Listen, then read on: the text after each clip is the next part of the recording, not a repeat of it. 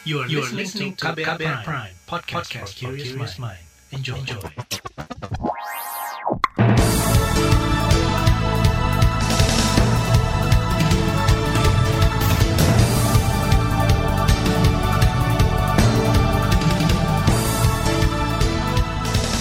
Selamat pagi saudara, senang sekali kami bisa menjumpai Anda kembali melalui program Buletin Pagi edisi Senin 14 Juni 2021.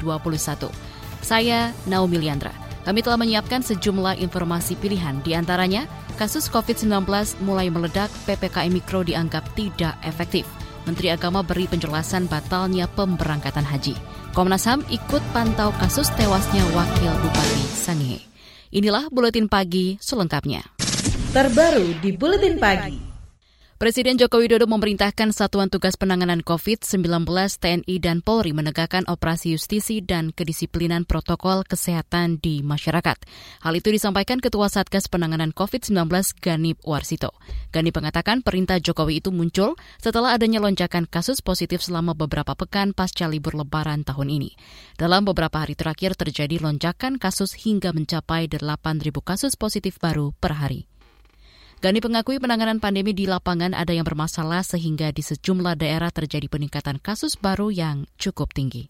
Memang ada kelemahan di beberapa posko ini dalam konteks manajemen lapangan ini yang perlu kita benahi. Oleh karenanya BNPB atau Satgas COVID nasional akan melakukan pendampingan-pendampingan dalam konteks mengintensifkan pelaksanaan tugas atau peran fungsi dari posko PPKM Mikro ini. Tentu saja ini akan dibantu oleh TNI dan Polri dalam pelaksanaannya. Ketua Satgas Penanganan COVID-19 Gani Porsito mengatakan operasi justisi dan penegakan kedisiplinan protokol kesehatan merupakan salah satu strategi untuk menekan laju penularan virus corona. Strategi lain yang akan ditempuh, kata Ganip, adalah lebih memperketat dan membatasi pergerakan masyarakat terutama di zona merah. Selain itu, pemerintah juga akan meningkatkan jumlah testing atau pemeriksaan kesehatan dan menggencarkan tracing atau pelacakan guna mengendalikan kasus di masyarakat. Pemerintah juga bakal mengantisipasi lonjakan kasus COVID-19 menjelang libur lebaran Idul Adha 19 Juli mendatang. Salah satu ledakan kasus COVID-19 pasca libur lebaran terjadi di Kabupaten Kudus, Jawa Tengah. Bupati Kudus Hartopo mengatakan lonjakan kasus masih belum terkendali. Bahkan tempat-tempat isolasi terpusat seperti asrama Haji Dono Hudan, Boyolali, hampir penuh. Hartopo mengatakan kini mereka berupaya mengoptimalkan tempat isolasi di tingkat desa untuk menangani pasien COVID-19. Uh, kendala yang dalam pemerintah Kabupaten Kudus uh, tempat isolasi terpusat pasien uh, terkonfirmasi COVID-19 di asrama Haji Donohudan Boyolali hampir penuh. Jadi sementara ini dari Kudus tidak mengirim dulu dan akan kita optimalkan untuk isolasi di Kabupaten Kudus. Uh, tempat isolasi terpusat tingkat desa ada semua total uh, 1.836. Ini semua akan dikelola diserahkan oleh ke desa masing-masing. Tentunya pakai uh, dana refocusing desa. Bupati Kudus Jawa Tengah M. Hartopo mengatakan kini daerahnya menyiapkan tempat isolasi di delapan kecamatan. Tempat isolasi tersebut berupa balai desa, gedung serbaguna, hingga gedung sekolah. Tiap tempat isolasi bisa mencapai kapasitas 300 tempat tidur. Pemerintah Kabupaten Kudus juga mendapat bantuan personil ratusan anggota TNI Polri untuk pengetatan disiplin protokol kesehatan. Sementara itu, organisasi pengelola rumah sakit Persi meminta masyarakat betul-betul meningkatkan disiplin diri mematuhi protokol kesehatan. Wakil Ketua Perhimpunan Rumah Sakit Seluruh Indonesia Persi Jawa Barat, Muhammad Iqbal mengatakan, jika masyarakat kendor dalam mematuhi protokol kesehatan hingga kasus positif meningkat, maka petugas kesehatan di rumah sakit akan kewalahan kan ini mah ujung ya hilirnya ya memang harapannya sih yang hulunya bisa lebih di ditekan sehingga kalau di hilirnya nggak terlalu jadi lebih padat gitu ya kalau hilir padat mah kita yang nggak bisa apa-apa kalau uh. eh, terlalu banyak sekali kita juga agak repot gitu.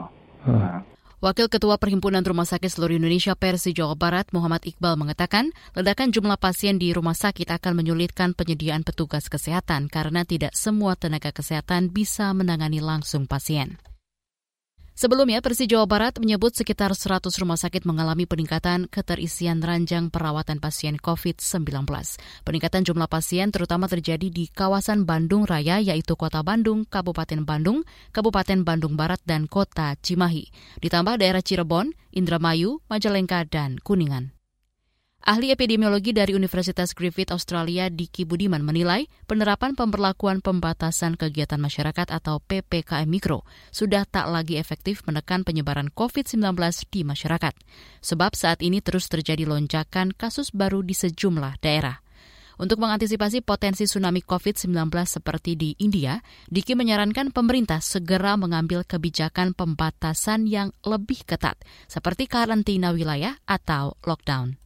Artinya PPKM ini kalau bicara mikro lockdown ya tentu tidak efektif ya saat ini yang diperlukan kalau mau lockdown ya memang PSBB atau lockdown Jawa misalnya Jawa Bali atau satu kota raya kalau di luar Jawa itu. Nah itu yang tentu akan sangat efektif. Kalau bicara uh, lockdown mikro ya efektif tapi tidak akan sustain, tidak akan bertahan lama. Ahli epidemiologi dari Universitas Griffith Australia, Diki Budiman juga menilai penerapan PPKM Mikro justru akan membuang-buang sumber daya dan terkesan tanggung.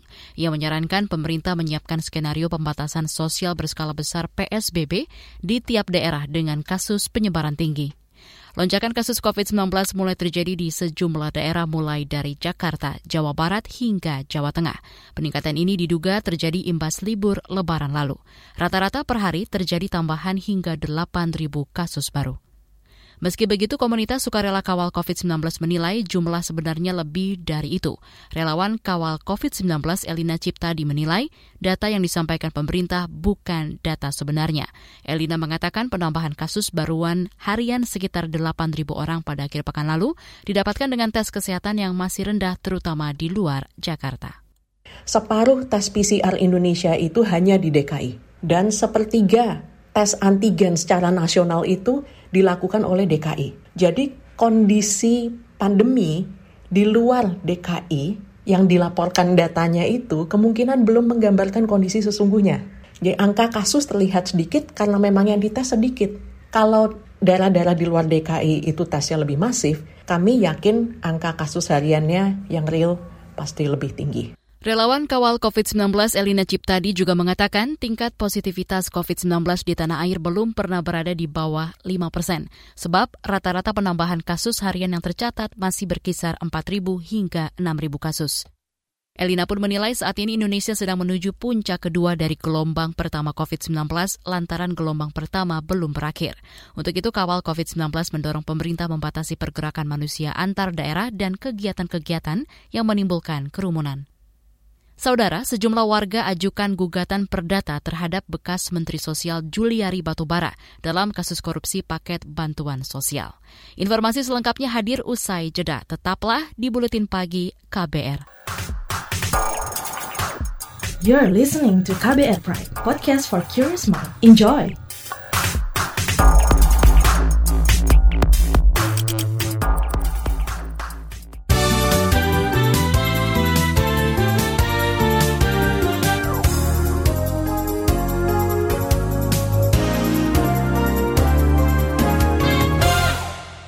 Anda sedang mendengarkan buletin pagi KBR. Kementerian Agama memastikan keputusan pemerintah membatalkan pemberangkatan ibadah haji tahun ini sudah sesuai dengan kebijakan pemerintah Arab Saudi. Menteri Agama Yakut Holil Kaumas mengatakan ia telah dihubungi resmi oleh perwakilan Kerajaan Arab Saudi yang menyebut ibadah haji tahun ini masih sama seperti tahun lalu, yaitu hanya terbatas untuk warga. Arab dan ekspatriat. Yakut menyatakan pemerintah Arab Saudi masih menutup pintu bagi calon jemaah haji dari negara lain karena alasan pandemi COVID-19. Uh, beliau juga menyampaikan sekarang pandemi COVID uh, belum juga terkendali, bahkan muncul banyak-banyak varian yang lebih mengkhawatirkan. Jadi demi menjaga keselamatan, keamanan uh, jamaah haji, pemerintah Saudi tidak memperkenankan calon jamaah haji di luar Saudi Arabia untuk e, melaksanakan ibadah haji tahun ini sebagaimana tahun kemarin. Ini sejalan dan sama persis dengan keputusan yang diambil oleh pemerintah Republik Indonesia. Itu tadi Menteri Agama Yakut Khalil Kaumas. Pada dua pekan lalu, pemerintah mengumumkan meniadakan keberangkatan calon jemaah haji 2021. Pemerintah menyebut pembatalan itu dengan mempertimbangkan pandemi COVID-19 yang masih tinggi, serta belum adanya kepastian mengenai kuota haji untuk Indonesia. Keputusan penundaan haji itu mendapat protes dari sejumlah pihak, terutama dari tokoh agama serta politisi. Mereka menilai pemerintah tidak mampu berdiplomasi dengan Arab Saudi. Sejumlah warga di kawasan Jakarta dan sekitarnya berencana mengajukan gugatan perdata terhadap bekas Menteri Sosial Juliari Batubara dalam perkara korupsi bantuan sosial paket sembako. Gugatan perdata di, akan diajukan ke Pengadilan Negeri Jakarta Pusat pada hari ini. Gugatan ini difasilitasi sejumlah LSM seperti Lembaga Pemantau Korupsi ICW, YLBHI hingga Kontras. Kuasa hukum penggugat Andi Muhammad Rizaldi mengatakan mereka sudah membentuk posko pengaduan warga yang dirugikan akibat kasus korupsi itu. Mekanisme gugatan yang akan uh, diajukan oleh uh, para penggugat nanti itu merupakan bentuk upaya bagi para korban untuk merebut hak-hak mereka yang dirampas oleh pejabat publik yang korup atau uh, yang korup. Nah, selain itu, mekanisme ini itu ditempuh juga sebagai bentuk menuntut negara bahwa pertanggungjawaban negara tidak boleh berhenti pada memidanakan seseorang Kuasa hukum warga penggugat Andi Muhammad Rizaldi mengatakan sebagian besar pengaduan warga yang masuk mengenai paket bantuan sosial sembako yang tidak layak konsumsi. Andi menilai bantuan sosial itu sama sekali tidak membantu kesulitan warga yang terdampak pandemi COVID-19. Bekas Menteri Sosial Juliari Batubara terjerat suap dan korupsi dalam proyek pengadaan paket sembako bantuan sosial untuk warga Jabodetabek yang terdampak pandemi. Jaksa Komisi Pemberantasan Korupsi KPK menyebut Juliari menerima suap 32 miliar rupiah dari para pengusaha yang mendapat proyek pengadaan sembako. Beralih ke informasi ekonomi. Pertumbuhan ekonomi Indonesia diperkirakan akan terpengaruh oleh lonjakan kasus positif COVID-19 pasca libur lebaran. Meski begitu, Direktur Eksekutif Lembaga Kajian Ekonomi Indef, Tauhid Ahmad perlambatan pertumbuhan ekonomi tidak akan sebesar pada tahun lalu. Ia memperkirakan ekonomi Indonesia di kuartal kedua tahun ini masih akan tetap tumbuh positif.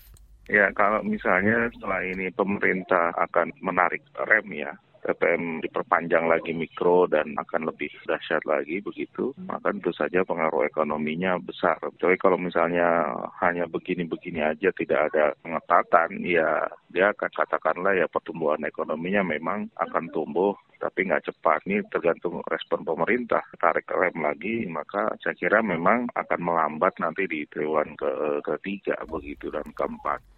Direktur Eksekutif Indef Tauhid Ahmad memperkirakan perlambatan pertumbuhan ekonomi terutama akan terjadi di daerah-daerah zona merah yang bergejolak seperti Jawa Tengah dan Jawa Timur. Jika pemerintah daerah melakukan kebijakan pengetatan khusus, maka pada triwulan kedua atau ketiga tahun ini pertumbuhan ekonomi akan melambat. Kita ke informasi olahraga dari ajang turnamen sepak bola Piala Eropa 2020. Belanda meraih kemenangan dramatis atas Ukraina dalam laga grup C Piala Eropa. Tim Oranye menang tipis 3-2 pada pertandingan Senin dini hari tadi di Stadion Johan Cruyff Arena. Frankie de Jong dan kawan-kawan susah payah mengatasi Ukraina meski tampil dominan sejak awal laga. Gol pertama Belanda tercipta baru di babak kedua menit ke-52 lewat tendangan kaki kiri kapten Giorgino Wijnaldum. Delapan menit kemudian penyerang Won Georgos menambah keunggulan Belanda. Ukraina membalik keadaan lewat dua gol Andriy Yarmolenko dan Roman Yaremchuk. Kemenangan Belanda ditentukan oleh Denzel Dumfries usai mencetak gol di menit ke-85. Pada pertandingan lain, Inggris menjalani laga perdana dengan meraih kemenangan tipis 1-0 atas Kroasia. Dalam laga yang digelar di Stadion Wembley malam tadi, Raheem Sterling mencetak gol tunggal bagi kemenangan Inggris di babak kedua. Ini juga pertama kalinya Inggris tampil di laga pertama Piala Eropa dengan kemenangan dalam sembilan kali keikutsertaan Inggris di Piala Eropa. Kita ke mancanegara. Kekuasaan Benjamin Netanyahu sebagai Perdana Menteri Israel berakhir pada minggu kemarin. Setelah 12 tahun memimpin Israel, ia tersingkir dari pucuk pemerintahan. Ia digantikan Naftali Bennett sebagai Perdana Menteri Israel yang baru. Mengutip New York Times, tersingkirnya Benjamin Netanyahu terjadi setelah ia gagal membentuk pemerintahan baru dan mendapat mosi tidak percaya dari parlemen. Sementara itu, Naftali Bennett menjadi penggantinya setelah tercapainya koalisi antara kelompok oposisi tengah dan kelompok ultranasionalis. Naftali akan menjabat Perdana Menteri selama dua tahun sebelum nanti diganti tokoh oposisi Yair Lapid. Usai jeda kami akan hadirkan laporan khas KBR mengenai masifnya industri budaya Korea K-pop di Indonesia. Tetaplah di Buletin Pagi KBR. You're listening to KBR Pride, podcast for curious mind. Enjoy!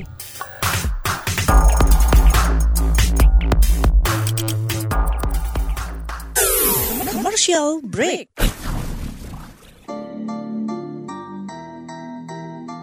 Come on, yo. Buat yang sukanya berhoax, you better listen to this one. Check this one out yo. Hati-hati kalau baca kabar Hoax. Jangan langsung disebar kabar yang Hoax. Kalau mau tahu kabar benar atau Hoax. Dengerin cek fakta yang pasti bukan Hoax. Dengerinnya setiap Senin yang jelas bukan Hoax. Cuma ada di kbrprime.id Hoax. dan aplikasi podcast lainnya. Hoax. Sudah cukup-cukup hoaxnya? Hoax. Cukup. Jaga emosi, tahan jari, verifikasi sebelum dibagi. Saya Aribo Sasmito, Ketua Komite Pemeriksa Fakta Mafindo. KBR Prime, podcast for curious mind.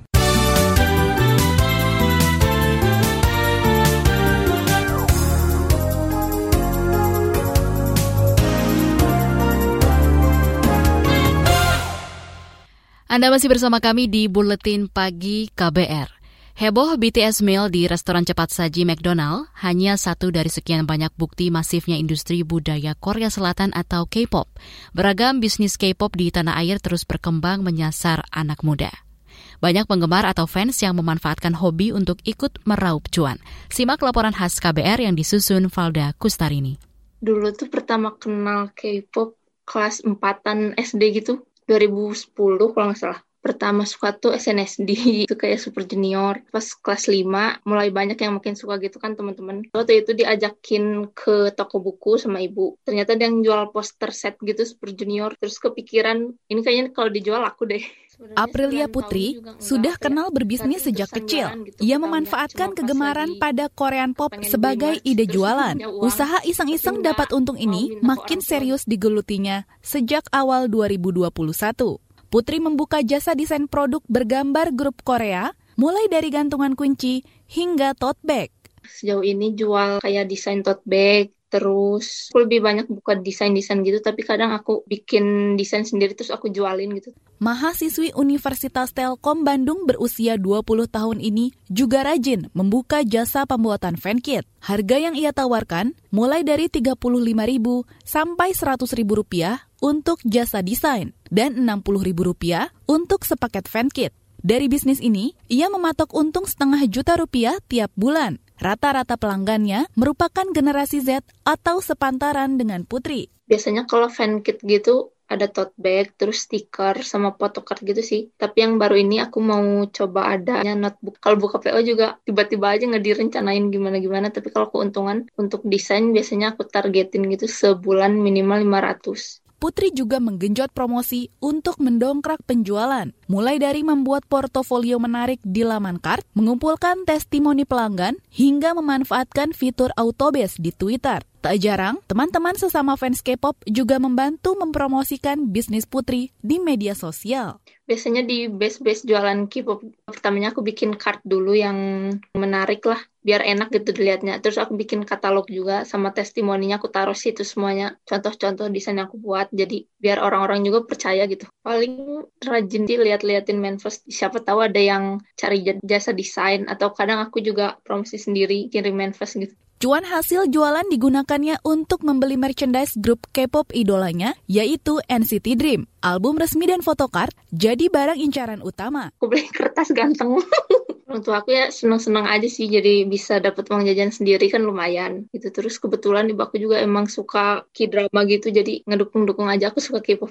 Membagi waktu antara kuliah dan bekerja merupakan tantangan terbesar Putri dalam menjalankan bisnisnya. Ia juga dituntut terus kreatif agar desain-desain karyanya tetap menarik. Yang pertama, kalau ada yang mau pakai jasa desain aku suka inspirasinya lagi nggak ada, terus lagi pusing sama tugas. Biasanya lihat-lihat desain aja di Pinterest gitu yang desain-desain lucu yang K-pop gitu. Kadang juga kalau lihat MV suka muncul gitu inspirasinya soalnya kan kadang MV-nya kayak banyak ilustrasinya gitu. Buat Putri, meraup cuan dari hobi adalah usaha yang menyenangkan. Sebab ia bisa menyerok untung sembari terkoneksi dengan idolanya. Soalnya kan bisa lebih enjoy gitu. Biasanya kalau ada orang yang kerja tapi eh, nggak enjoy gitu sama pekerjaannya karena dia nggak suka. Tapi kalau yang hobi jadi cuan ini kan kita senang dan dapat uang juga gitu. Jadi ya enak aja. Booming bisnis dan belanja produk K-pop di kalangan generasi Z dinilai wajar oleh Direktur Eksekutif Strategi Hakuhodo Indonesia, Devi Atamimi. Lewat belanja, penggemar K-pop ingin menjadi bagian dari komunitas yang lebih luas. Kebutuhan terkoneksi dengan sesama generasi Z dipicu perbedaan karakter dengan generasi sebelumnya. Bisa dibilang mereka tuh kesepian Gen Z ini. Kesepiannya bukan karena mereka nggak punya teman. Kesepiannya karena mereka disuruh berpikir kritis itu. Jadi there's a very big desire for them to feel belong to something or to ya tadi something to a tribe. Kesediaan para fans membeli produk K-pop merupakan cara mereka berempati dan mendukung idolanya. Apalagi beredar kisah tentang beratnya menjadi artis di Korea. Dan juga kan banyak pemberitaan betapa merananya kan K-pop itu kan. Hidup mereka itu kan luar biasa kayak robot, dibentuk sedemikian rupa oleh industri K-pop. Jadi hidup mereka tuh sangat sangat berat si K-pop ini. Nah, justru kan ada empati gitu loh kayak kalau misalnya kita ngefans gitu ya dan kita tahu uh, idola kita itu kerja keras banget untuk bisa mencapai seperti posisi mereka saat ini gitu kan. Kan kita jadi jauh lebih jatuh cinta nggak sih? Empatinya lebih besar gitu loh. Devi menilai bisnis K-pop sukses berkembang karena mampu beradaptasi dengan karakter pasarnya, yakni generasi Z. Strateginya berubah, ya again, karena yang anak yang lebih muda ini manusia tadi memanusiakan memanusiakan banyak hal kan. Salah satunya adalah memanusiakan idola-idola mereka. Nah, itu yang jauh lebih menarik bagi mereka. Demikian laporan khas KBR. Saya Valda Kustarini. Informasi dari berbagai daerah akan hadir usai jeda. Tetaplah bersama Buletin Pagi KBR. You're listening to KBR Pride, podcast for curious mind. Enjoy!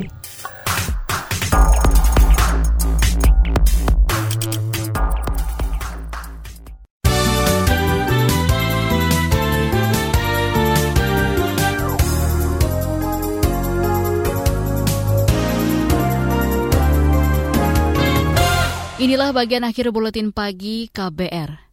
Meninggalnya Wakil Bupati Kepulauan Sangihe, Sulawesi Utara, Helmut Hontong mendapat perhatian banyak pihak termasuk dari Komisi Nasional Hak Asasi Manusia Komnas HAM. Anggota Komnas HAM BK Ulung Hapsara mendesak kepolisian menyelidiki tuntas penyebab kematian Helmut Hontong. BK Ulung mengatakan penyelidikan diperlukan karena saat ini muncul dugaan ada kaitannya kematian Helmut dengan sikapnya yang menolak pemberian izin tambang emas di wilayahnya kami mendorong polisi untuk melakukan penyelidikan lebih lanjut untuk mencari penyebab uh, meninggalnya wakil bupati tersebut begitu. Karena ini kan nanti akan memberi kejelasan peristiwa yang ada seperti apa begitu. Termasuk juga siapa-siapa yang terlibat begitu. Dan ini juga untuk meredam spekulasi apakah kemudian memang meninggalnya uh, wajar atau tidak wajar kalau Anggota Komnas HAM BK Ulung Hapsara juga meminta masyarakat turut mengawasi langkah polisi menangani masalah itu. Wakil Bupati Sangihe Helmut Hontong tewas dalam perjalanan ke Manado dengan menaiki pesawat Lion Air rute Bali Makassar pada pekan lalu. Helmut sempat mendapat pertolongan medis di dalam pesawat namun nyawanya tak tertolong. Sementara itu, kepolisian berencana segera melakukan otopsi terhadap jenazah Wakil Bupati Sangihe Helmut Hontong. Kapolres Kepulauan Sangihe Tony Budi Susetio mengatakan siap membantu keluarga untuk memperjelas penyebab kematian pejabat tersebut. Meski begitu, Tony mengatakan otopsi masih terkendala, belum ada izin dari keluarga. Kalau untuk kita di Polres ya, atas Polri yang ada di Pulau Sangihe, kami siap. Apa saja yang dibutuhkan oleh keluarga kami siap. Mau dilakukan apa pun ya kami siap. Kita berikan pelayanan yang sebesar-besarnya. Karena ini untuk kepentingan kita semuanya. Sementara itu, Kepolisian Daerah Sulawesi Utara membentuk tim khusus untuk menyelidiki kematian Wakil Bupati Kepulauan Sengihe Helmut Hontong. Kita ke Jawa Timur, pemerintah Kabupaten Banyuwangi menghentikan sementara kegiatan vaksinasi COVID-19 menggunakan sistem drive-thru atau sistem layanan tanpa turun dari kendaraan bermotor. Kepala Dinas Kesehatan Banyuwangi Wiji Lestariono mengatakan, vaksinasi dengan sistem lantatur dihentikan sejak akhir pekan lalu karena vaksin AstraZeneca sudah habis. Wiji mengatakan persediaan vaksin cepat habis karena layanan tanpa turun atau drive-thru mendapat antusiasme tinggi dari masyarakat. Semakin hari semakin bisa kita lihat hasilnya bahwa semakin banyak masyarakat yang justru mendatangi tempat-tempat layanan vaksinasi. Animo masyarakat sudah semakin tinggi. Oh. Yang drive-thru itu kan yang hari-hari awal, empat hari awal ya, iya. pelaku wisata. Kemudian sudah sudah tuntas pelaku wisata ini sesuai dengan target sasaran yaitu 1.700 sekian orang kemudian berganti pelaku transportasi. Kepala Dinas Kesehatan Banyuwangi Wijil Lestaryono mengatakan vaksin AstraZeneca yang habis adalah yang memiliki kadaluarsa akhir Juni. Banyuwangi mendapat jatah 250-an ribu dosis vaksin AstraZeneca dari Kementerian Kesehatan. Jumlah itu untuk vaksinasi kalangan lansia, pelayan publik, guru, hingga tokoh agama dan masyarakat. Informasi tadi menutup jumpa kita di Buletin Pagi hari ini. Pantau juga informasi terbaru melalui kabar baru situs kbr.id, Twitter kami di akun @beritaKBR, serta podcast di alamat kbrprime.id. Akhirnya saya Naomi Liandra bersama tim yang bertugas undur diri. Salam.